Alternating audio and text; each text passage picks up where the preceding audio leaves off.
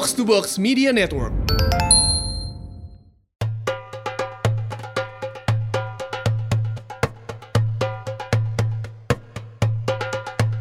Assalamualaikum warahmatullahi wabarakatuh.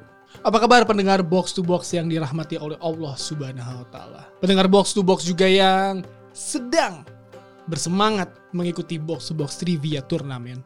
Pada bulan Ramadan ini beratus-ratus tahun yang lalu terjadi sebuah peperangan penting. Apabila kita berbicara tentang Ramadan dan kita menarik tahun ke ratusan tahun yang lalu. Pada bulan Ramadan ini beratus-ratus tahun yang lalu terjadi sebuah peperangan penting dalam sejarah Islam. Perang Badar menjadi momen penting dalam perjuangan baginda Rasulullah dalam menegakkan Islam di Jazirah Arab. Kejelian dan kebijakan strategis Rasulullah sebelum dan selepas Perang Badar kemudian semakin memudahkan penaklukan kota Mekah dan juga kemenangan bagi umat Islam. Perang Badar merupakan momen penting dalam sejarah perjuangan Rasulullah.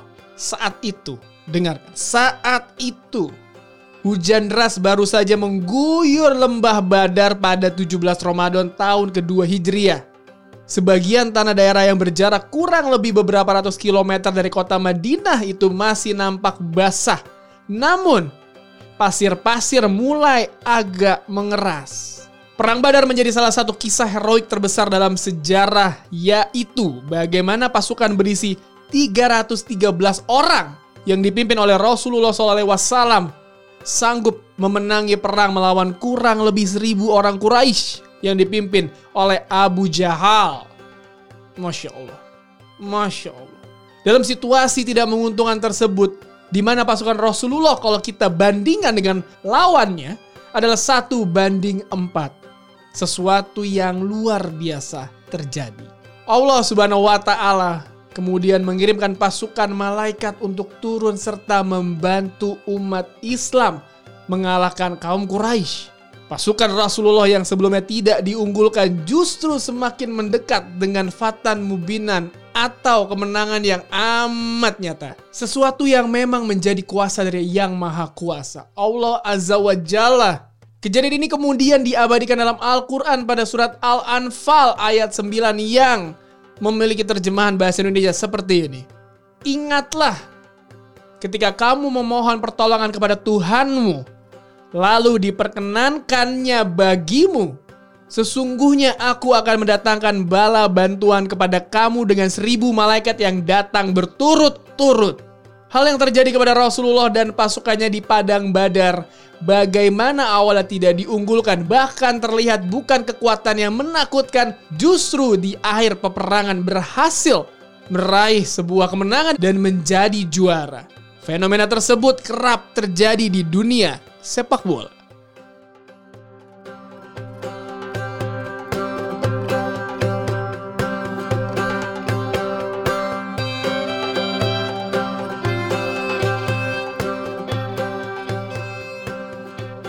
pada bulan Maret sekitar 30 tahun yang lalu, terjadi fenomena yang serupa dengan yang terjadi kepada Rasulullah di Padang Badar.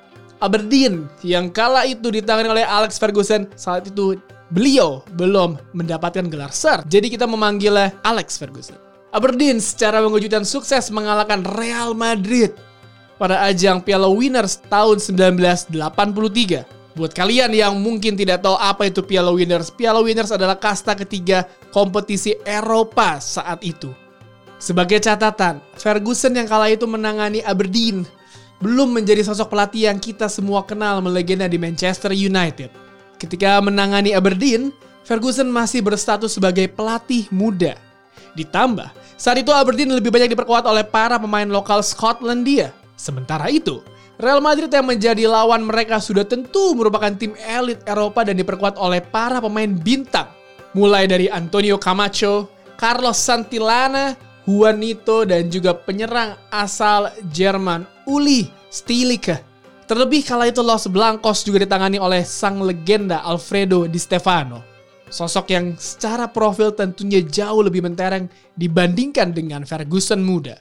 Sebelum laga yang digelar di Ullevi Stadium di Gothenburg, Swedia, semua sudah memprediksi bahwa Real Madrid akan menang mudah atas Aberdeen.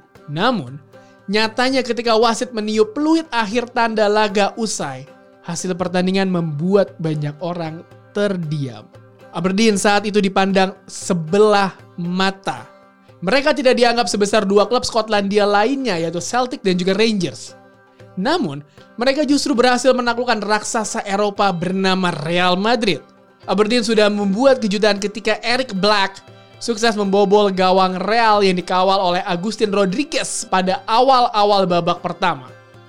Lini pertahanan Aberdeen juga sukses mematikan pencetak gol terbanyak turnamen itu, yaitu Carlos Santillana. Namun, Real bisa segera menyamakan kedudukan melalui eksekusi penalti Juanito.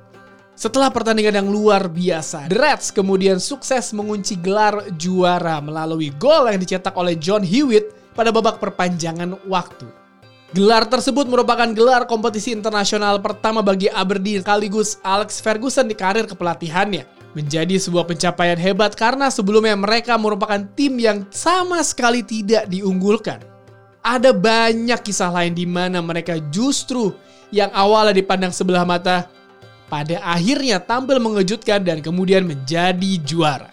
Ketimbang Piala Dunia, Piala Eropa menghadirkan lebih banyak kisah tim-tim yang awalnya tidak diunggulkan justru kemudian bisa keluar sebagai juara.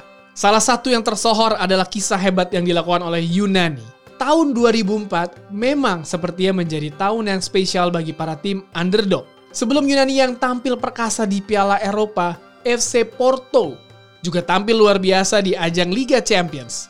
Seperti yang diketahui kemudian, kesuksesan Porto tersebut kemudian melambungkan nama seorang Jose Mourinho. Karena kejadian tersebut juga, Portugal yang berada dalam satu grup dengan Yunani dijagokan keluar sebagai juara. Namun, Yunani yang pada awalnya tidak diunggulkan justru membuat kejutan luar biasa dengan menghantam sang tuan rumah bahkan sejak pertandingan pembuka. Apa yang dilakukan Yunani di Piala Eropa 2004 masih disebut-sebut sebagai salah satu kisah tim underdog terbaik dalam dunia olahraga.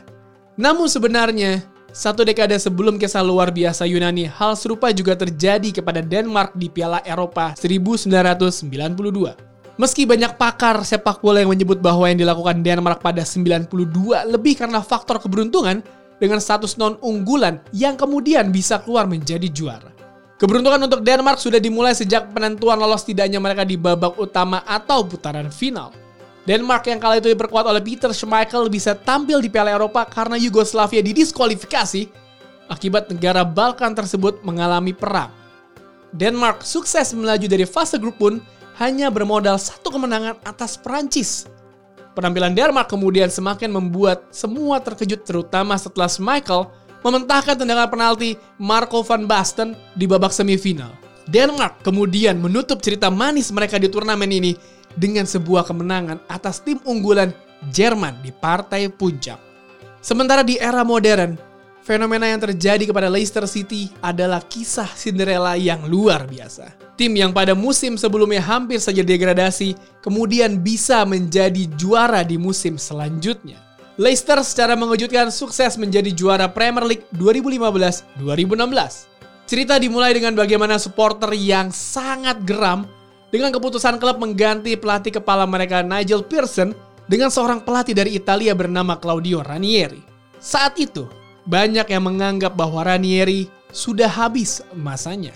Dia bukan sosok yang sama ketika dia menangani Chelsea atau ketika sukses membawa Valencia menjadi juara Piala Super Eropa pada tahun 2004. Sementara, Pearson merupakan pelatih yang kala itu memiliki prospek yang sangat cerah. Namun berbekal lirik-lirik lagu dari band Kasabian, Ranieri kemudian terus memotivasi Leicester untuk terus menembus batas. Para pemain buangan dalam tanda kutip seperti Richie Delight, Daniel Drinkwater, Danny Simpson, Kasper Schmeichel tampil luar biasa dan terengginas. Begitu pula dengan dua permata tersembunyi di Leicester City saat itu N'Golo Kongte dan juga Riyad Mahrez membuat The Foxes menjadi kekuatan yang sangat-sangat luar biasa di Premier League. Keberadaan Jamie Vardy di tim Leicester City juga menjadi representasi penting perjuangan klub non-unggulan menghadapi kekuatan tradisional. Semua tertuang dalam perjalanan karir Vardy di mana dia baru mendapatkan waktu bermain di Liga Pro ketika usianya sudah melewati 25 tahun.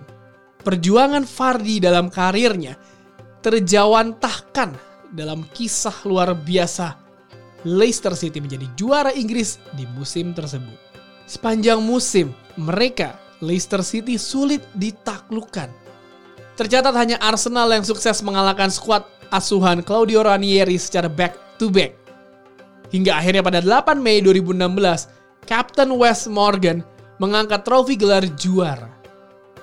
Ini seakan menuntaskan cerita hebat tim yang tidak diunggulkan seperti Leicester City yang kemudian bisa berdiri bangga di tahta juara. Selain kisah-kisah di atas, ada pula cerita serupa di mana tim yang tidak diunggulkan kemudian bisa keluar menjadi juara. Misalnya, Wolfsburg di Bundesliga 2008-2009, Montpellier di Ligue 1 tahun 2011-2012, atau bahkan kemenangan soliter Kepulauan Faru 1-0 atas Austria di tahun 1990 masih dianggap sebagai kemenangan mengejutkan terhebat sepanjang sejarah sepak bola. Sementara di sepak bola Indonesia, semua mengingat bagaimana Persik Kediri yang baru saja promosi kemudian sukses menjadi juara di musim selanjutnya di Liga Indonesia tahun 2003. Kalau mau yang terdekat, bisa saja ada kejutan juga dari underdog di box-to-box football trivia tournament.